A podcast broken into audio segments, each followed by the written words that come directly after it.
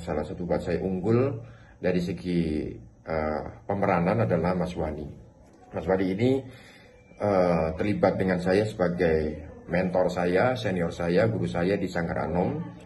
Uh, saya melihat beliau apa ya menerapkan proses keaktoran itu tidak melulu bicara soal tubuh, bicara soal wajah, bicara soal penampilan semata, tetapi olah rasa, kemudian olah batin, pengajaran-pengajaran dari Mas Wani itu tidak hanya disampaikan secara teori tetapi beliau praktekkan sendiri. Jadi ketika melihat Mas Wani acting itu seperti dia tidak berakting. Dia menjelma menjadi orang lain. Itu yang buat saya harus disadari oleh aktor-aktor yang lain. Mas Wani salah satu aktor Jogja, aktor Indonesia yang saat ini masih konsisten melakukan itu. Ya, uh, selamat datang di Bincang Aktor teman-teman. Selamat datang Mas Wani dan Wawan. Terima kasih. Lebih tepatnya kita yang seharusnya mengucapkan salam karena kita yang datang ke rumahnya Mas Wani. Uh, ini adalah Bincang Aktor yang kesekian bareng sama Mas uh, Wani Darmawan. Uh, mungkin uh, sebenarnya kita sudah sangat lama ingin bincang aktor sama Mas Wani tapi beliaunya sangat sibuk dan baru kosong hari ini uh, kita akan ngobrol-ngobrol banyak soal bagaimana proses keaktoran Mas Wani, bagaimana uh, cara beliau menciptakan tokoh dan lain sebagainya. Oke, Mas Wani, pripun kabarnya? Saya sehat mas. Sekarang gimana? Alhamdulillah sehat. Sibuk apa mas setelah Bumi Manusia kemarin? Ini ada ini menyiapkan repertoar Panembahan Resonya BS Rendra. Hmm. untuk waktunya masih tentatif tapi kira-kira awal 2020 oh. Ya. Sebagai res Panembahan Reso Ya. oh, oke. Nah eh, itu pertunjukan teater. Pertunjukan ya Hmm. Kita tahu kalau Mas Wani adalah aktor yang kawakan hitungan ya di di Jogja atau aktor yang eh, bagi banyak banyak teman-teman yang bergelut di dunia seni peran. Entah itu teater atau film menempatkan Mas Wani Darmawan sebagai guru untuk banyak orang termasuk saya. Nah eh, mungkin pertanyaan pertama adalah ketika Mas Wani dapat peran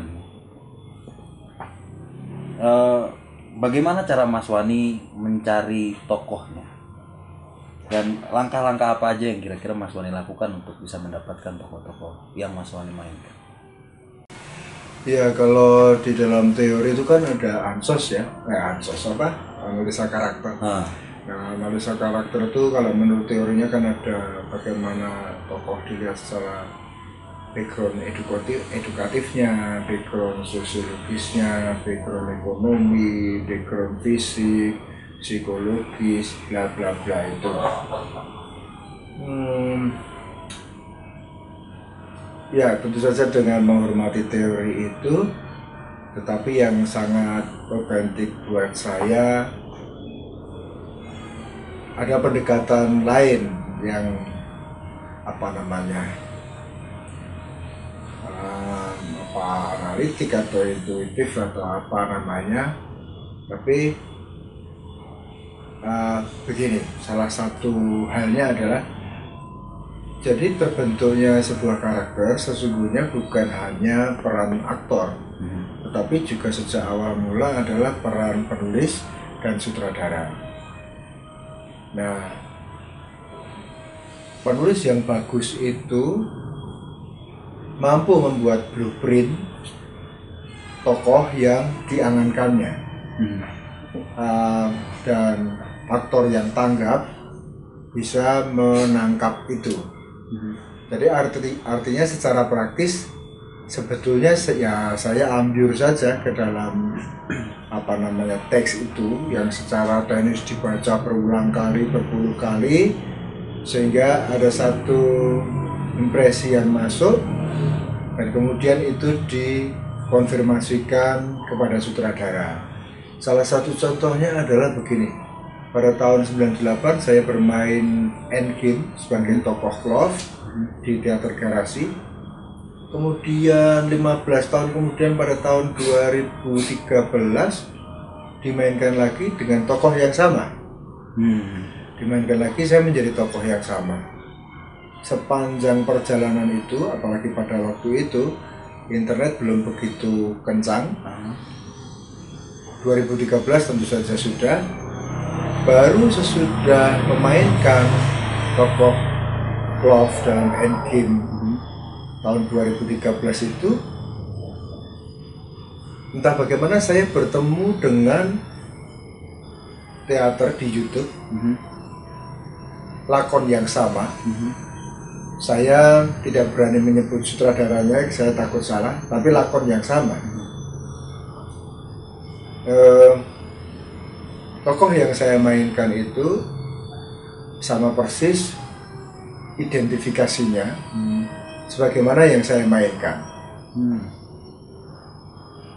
sebagaimana yang saya sampaikan di depan tadi kemudian saya berkesimpulan bahwa si Beckett ini luar biasa di dalam menulis artinya dia hampir tidak ada instruksional karakter Hmm. kecuali moving perpindahan gitu tetapi apa yang apa namanya eh, apa namanya dengan ukuran kesamaan antara yang saya mainkan dengan yang dimainkan di dalam teater yang saya lihat, lihat di YouTube itu Mhm. tidak jauh berbeda. Artinya saya berkesimpulan mungkin saja itu yang dimaui oleh si Beckett. Hmm. Berarti uh, ketika ketika menciptakan tokoh, Mas Wani mencari apa yang dimaui si penulis itu dulu. Apakah itu Bisa begitu, bisa begitu. Baru kemudian apa yang saya punya. Hmm. Nah, apa yang saya punya itu maksudnya Nah, kalau di dalam teori membaca, Mhm. membaca teks kan begini. Kadang-kadang banyak pemain berprasangka terhadap judul ataupun naskah lakon yang akan dimainkan. Misalnya begini, Macbeth atau Antigone gitu. Mhm. Nah kemudian em, mereka merasa punya referensi atas grand style dan sebagainya. Ketika membaca itu sudah mendahului dari apa yang sesungguhnya dimaui oleh naskah. Oke. Nah saya mencoba untuk mencoba untuk tidak demikian. Mhm. Yang paling bagus adalah membaca dalam hati, Mhm. kemudian menguraikannya ke dalam kata-kata yang yang pelan, Mhm. dibaca verbal, lesan secara pelan. Mhm. Nah dari situ atau dengan metode orang ketiga. Jadi teks itu dibaca sendiri, Mhm. tetapi dengan membaca secara orang ketiga. Jadi membalik kalimat, misalnya kalimatnya adalah, Hei, kau mau ke mana? Mhm. Maka kita membacanya adalah si A mengatakan bertanya, eh, si A bertanya kepada B, dia mengatakan si B mau ke mana. Mhm. Jadi tidak langsung menuju pada eh, bacaan orang pertama sebagai karakter, tetapi sebagai orang ketiga. Mhm. Nah, sebagai orang ketiga ini akan menciptakan perspektif, bukan hanya tunggal, Mhm. akan menciptakan perspektif. Oh, oh ceritanya ternyata begini. Oh, ternyata si tokoh yang kumainkan itu begini dan dia begitu. Jadi memang membaca sebagai orang ketiga. Hmm, oke oke. Berarti itu adalah upaya untuk biar tidak mendahului atau apa ya mungkin bahasanya mungkin bahasa paling kasar adalah mengangkangi eh, tulisan eh, tokoh yang diciptakan oleh penulis itu. Kira-kira begitu. Kap- kapan Mas Wani mendapatkan eh, cara itu? Apakah dari awal perjalanan keaktoran Mas Wani sudah mendapatkan itu atau apa? Enggak.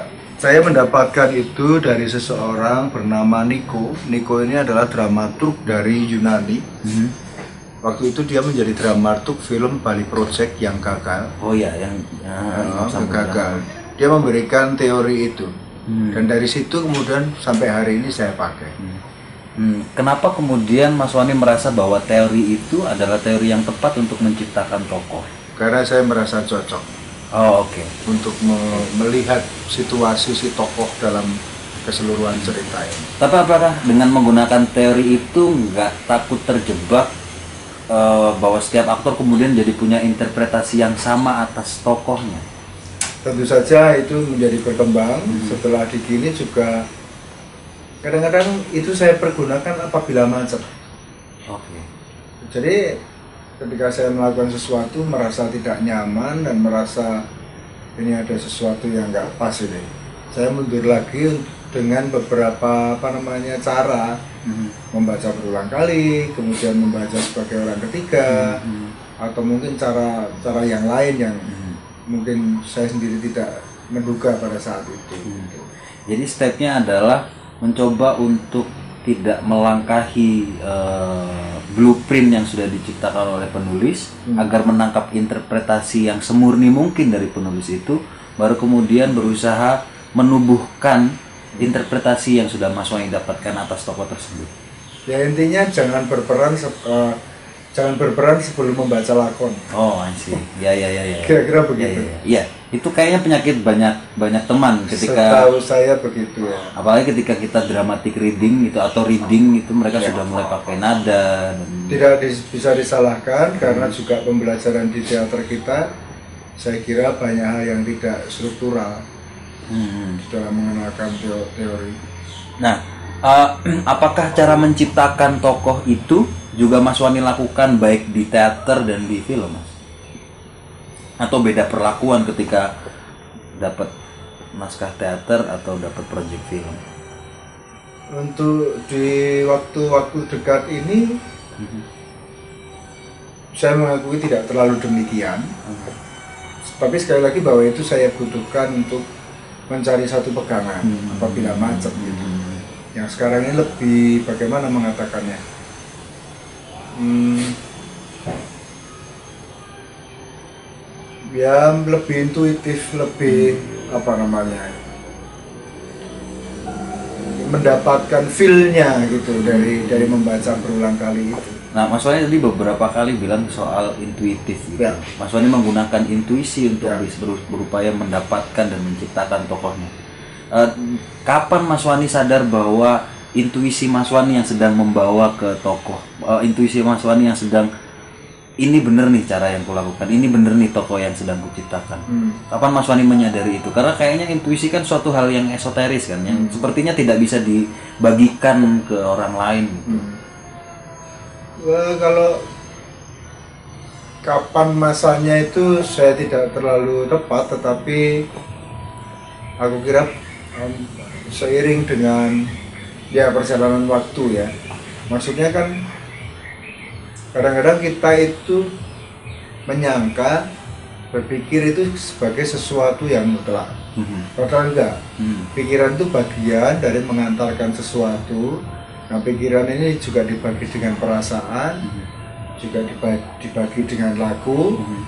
Nah, pada titik itu eh, sekitar mungkin tahun 2010-2011 eh, ketika saya menuliskan buku silat itu Ah. apa namanya judulnya apa Eh, Anda aku seorang pesilat saya menuliskan itu terasa banget bahwa sebenarnya apa ya yang dibutuhkan orang itu ya dalam hidup atau di dalam mengerjakan sesuatu kita membutuhkan ah, begini sorry kadang-kadang kita membutuhkan pikiran kadang-kadang kita membutuhkan perasaan kadang-kadang kita membutuhkan naluri kadang-kadang kita membutuhkan intuisi Mhm. kadang-kadang kita membutuhkan nurani Mhm. Nah saya tapi tidak mau terjebak dalam deskripsi ini Mhm. karena perjalanan waktu sembari saya mengerjakan saya tidak hero dengan deskripsi ada di sini Mhm. tapi begitu merasa itu oke lah ini kalau begitu ini mengalir saja ya ini yang sifatnya kalkulatif kemudian saya lepas masuk begitu saja Hmm, Oke. Ya. Em, berarti bisa tidak bahwa sekarang kita menyimpulkan untuk sementara bahwa intuisi adalah eh, tools utama Mas Wani dalam menciptakan setiap tokoh yang Mas Wani dapatkan. mungkin ya Hmm. saya bilang mungkin karena juga sejarah pendidikan saya kalau mau kita ngomong disiplin disiplin sekolah Mhm. bukan disiplin akademik ya Hmm. disiplin sekolah itu akademik kan cara berpikir sekolah itu lembaga.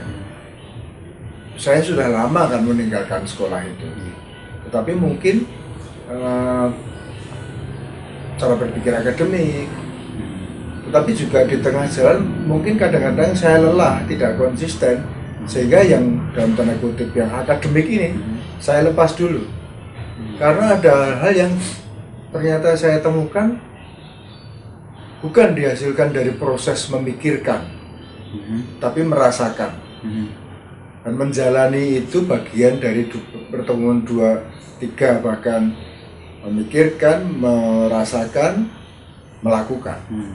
Nah, itu kan berarti butuh tingkat kesadaran yang tinggi untuk tahu bahwa eh, sekarang tidak harusnya pakai pikiran, sekarang harusnya pakai perasaan.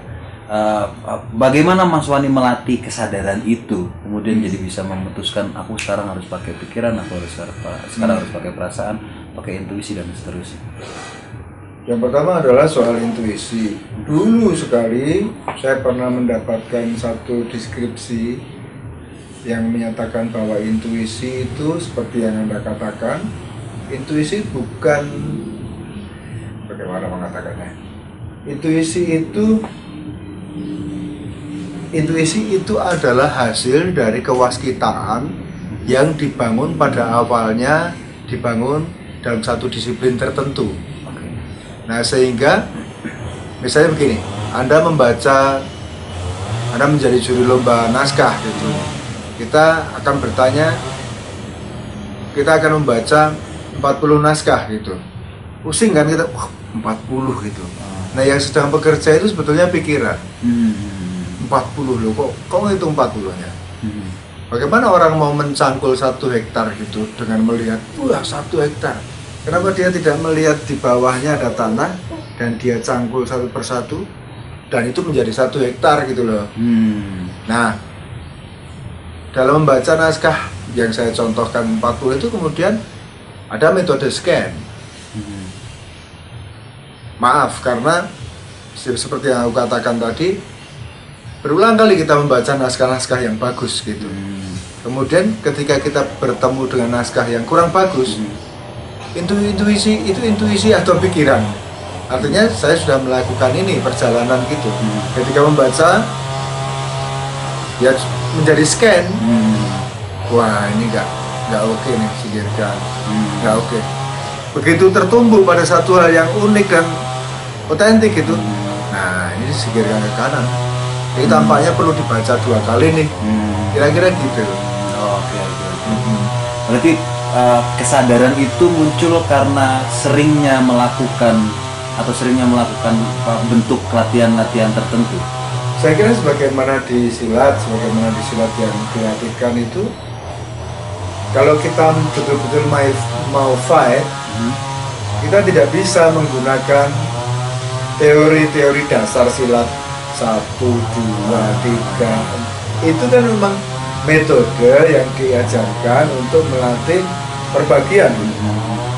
Nah kalau di silat menjadi lebih jelas apa yang datang, apa yang apa yang terbuka kesempatan, bentuk menjadi tidak penting. Tetapi poin masuk itu menjadi penting. gitu. Apalagi kalau di jalan yang aturannya tidak ada, itu memang mengandalkan intuisi.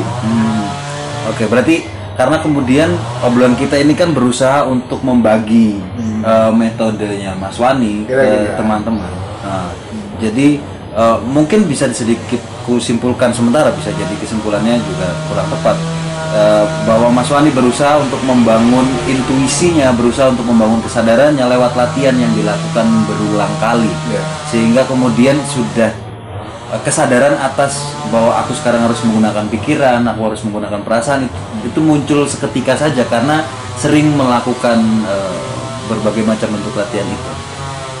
Kira-kira begitu. Hmm. Ya maksudku ini pendapatku, tetapi ya Anda bisa mencari bandingan yang lain yang oh ternyata ada orang lain juga yang melakukan hal ini. Hmm. Maksudku ya kalau ini dilakukan meskipun subjektivitas itu juga terserah gitu. Iya. Tapi kalau mau membandingkan silakan saja. Hmm.